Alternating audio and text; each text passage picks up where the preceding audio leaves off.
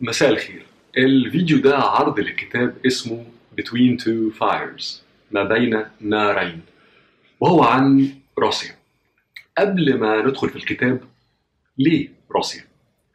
أنا في رأيي البلد ده مهم جدا إنه أي حد مهتم بالعلاقات الدولية يبقى عنده قدر معقول من الفهم له ليه؟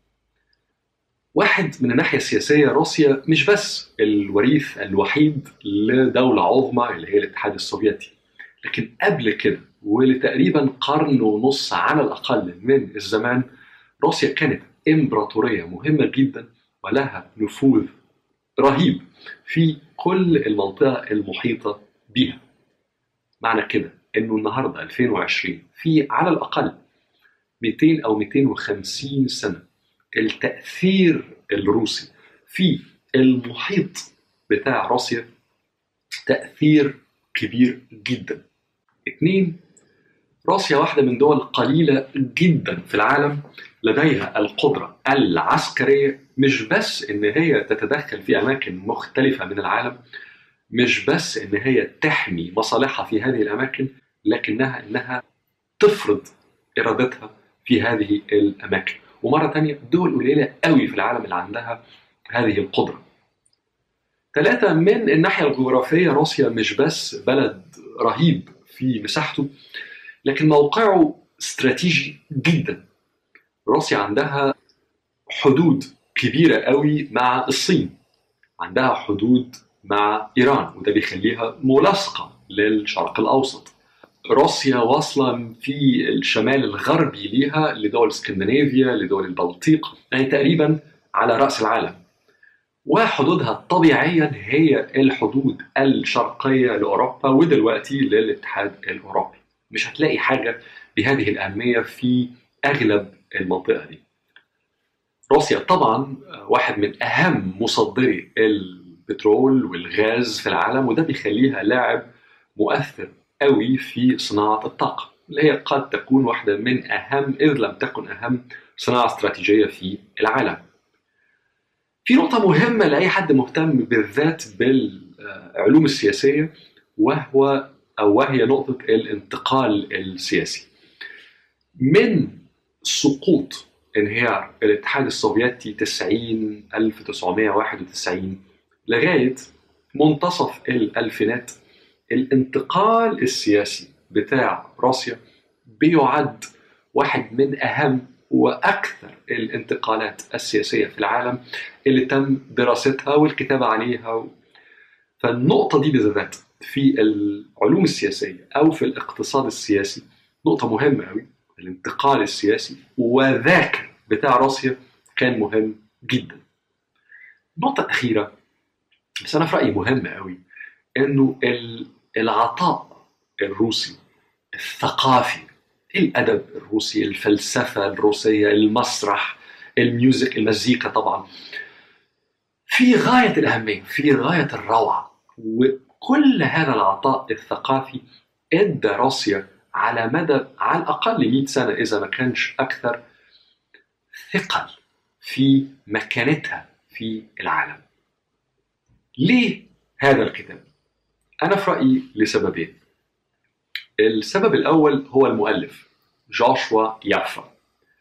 هذا الرجل كان الاديتور أو الرجل المسؤول بشكل رئيسي عن ما يكتب حول روسيا في Foreign Affairs مش لأني بكتب في Foreign Affairs لكنها بلا شك إذ لم تكن هي أهم فهي واحد من أهم المجلات في العالم. بالذات في الولايات المتحدة الأمريكية اللي بتؤثر في دوائر صنع القرار السياسي وبالذات القرار المتعلق بالعلاقات الدولية الكاتب ترك Foreign Affairs وذهب إلى New Yorker وهي كمان مجله في غاية التاثير بالذات في الدوائر الليبرالية في الولايات المتحدة الأمريكية. بس المهم في الموضوع إنه سواء في Foreign Affairs أو في ال New Yorker أسلوب الكتابة. في الاثنين قائم على مقالات ممتدة قوي 3000 كلمة 5000 كلمة. والمقصود هنا مش إنه هذه المجلات تغطي ماذا حدث. مش ده المهم. المهم لماذا حدث. يعني ال- الخلفيات ال- الأطر الاجتماعية الاقتصادية طبعا السياسية تحليل ماذا حدث المهم يعني إنه هذا الرجل واحد من مجموعة قليلة قوي في الولايات المتحدة الأمريكية شاركوا في صياغة كيف تنظر الولايات المتحدة الأمريكية وبالذات دوائر صنع القرار في أمريكا لروسيا في آخر 10 15 سنة. السبب الثاني إنه هذا الكتاب مهم هو أسلوب الكتاب. اغلب الكتب الأمريكية أو في الغرب بشكل عام اللي بتتحدث عن روسيا؟ دايما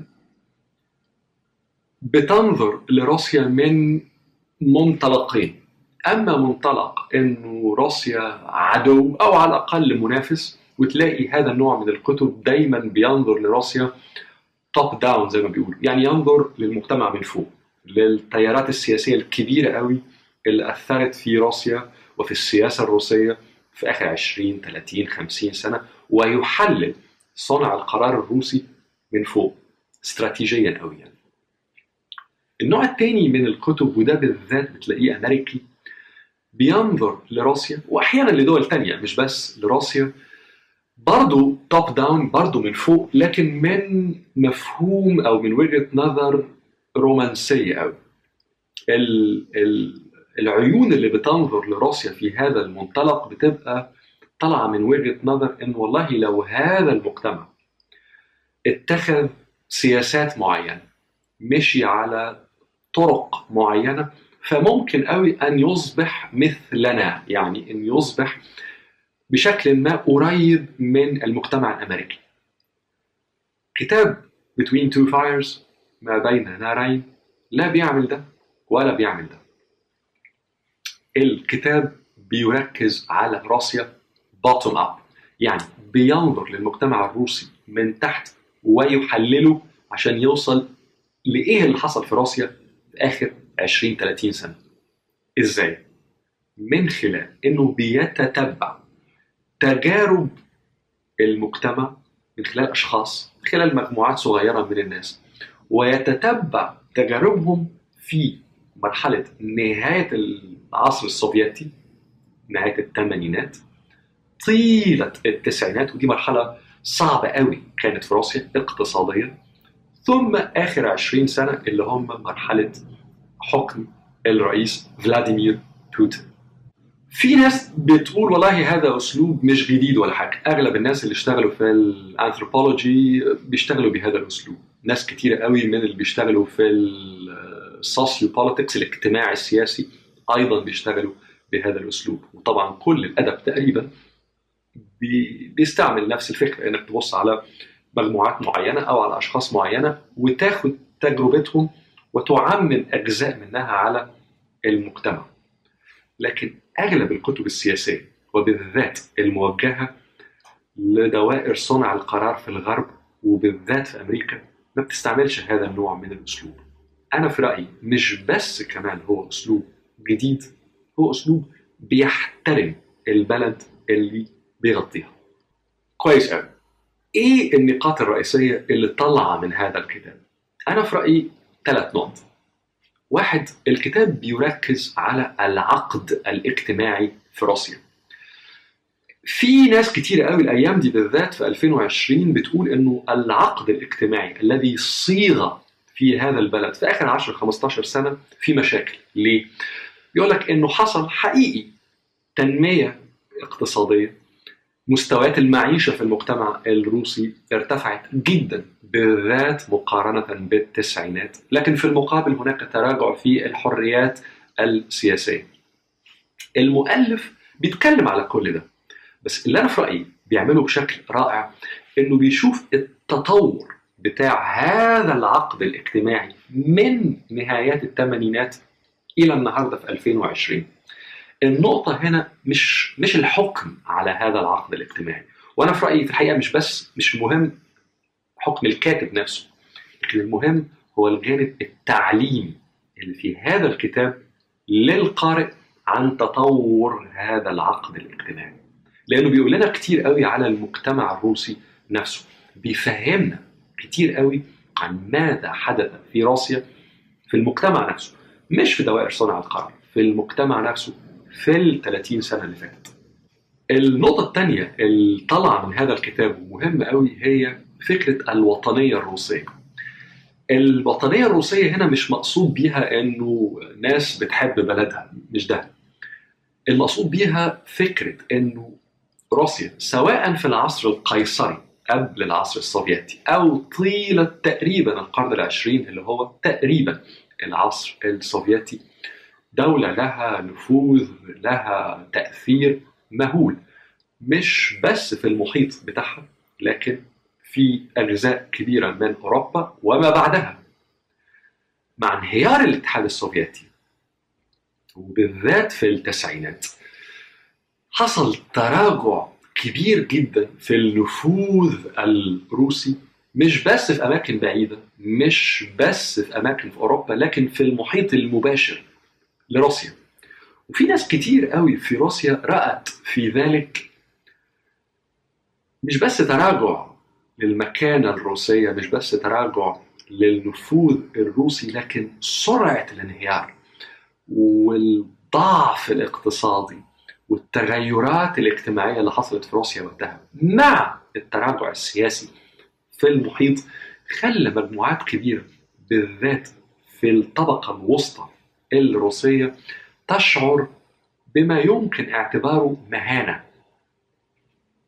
جزء من اللي بيغطيه هذا الكتاب أنا في رأيي بذكاء إنه إزاي إدارة الرئيس فلاديمير بوتين في آخر 20 سنة اشتغلت على إعادة الوجود الروسي مش بس في المحيط المباشر لروسيا لكن ما هو أبعد من ذلك وإنه إزاي هذا تم تقديمه للمجتمع الروسي على إنه عودة الوطنية الروسية إلى محيط نفوذها. والأذكى في هذا الكتاب ربط هذه النقطة بالعقد الاجتماعي. يعني ربط فكرة الوطنية الروسية كما هي مترسخة في الوجدان الروسي بارتفاع مستويات المعيشة بارتفاع الطموحات بتاعة الطبقة الوسطى الروسية في آخر 20 سنة. النقطة الثالثة في هذا الكتاب هو إنه بينظر لمستقبل روسيا فيما هو بعد فلاديمير بوتين. ممكن حد يقول والله النقطة دي مش مهمة قوي دلوقتي لأنه في صيف 2020 اللي إحنا فيه في تعديلات دستورية بتحصل في روسيا غالبا هتطول فترة حكم الرئيس بوتين. بس المهم هنا إنه جوشوا يافا مؤلف هذا الكتاب ما بيحاولش يقول لنا مين هيأتي رئيس لروسيا بعد بوتين مش مهم يعني اللي هو بيركز فيه إنه بيحاول إنه يقول لنا في آخر 10 سنين في آخر 15 سنة أنهي مجموعات مصالح أنهي مجموعات قوة؟ ازداد نفوذها وأنهي مجموعات قوة ومصالح؟ ضعف وقل نفوذها. اللي بيحاول يعمله إنه يعلم القارئ أين ينظر تبص فين عشان تشوف إزاي ممكن إنه أنت كقارئ تحلل إيه مستقبل روسيا في الخمس عشر سنوات القادمة. مش بمفهوم مين هيحكم روسيا بقدر ما هو شكل التطورات المحتملة في المجتمع الروسي في هذه الفترة الزمنية. أنا في رأيي هذا النوع من الكتب اللي بيعلم القارئ إزاي يقرأ مجتمع معين فين ينظر عشان يحلل هذا المجتمع. وإزاي يبص لاحتماليات المستقبل في هذا المجتمع؟ أنا في رأيي أفضل كتير من الكتب اللي بتحاول تقول ده هو اللي هيحصل. ملخص القول هذا الكتاب أنا في رأيي مهم وذكي وبيحترم الدولة اللي بيغطيها عن دولة روسيا مهمة جدا محاولة فهمها لأي حد مهتم بالعلاقات الدولية.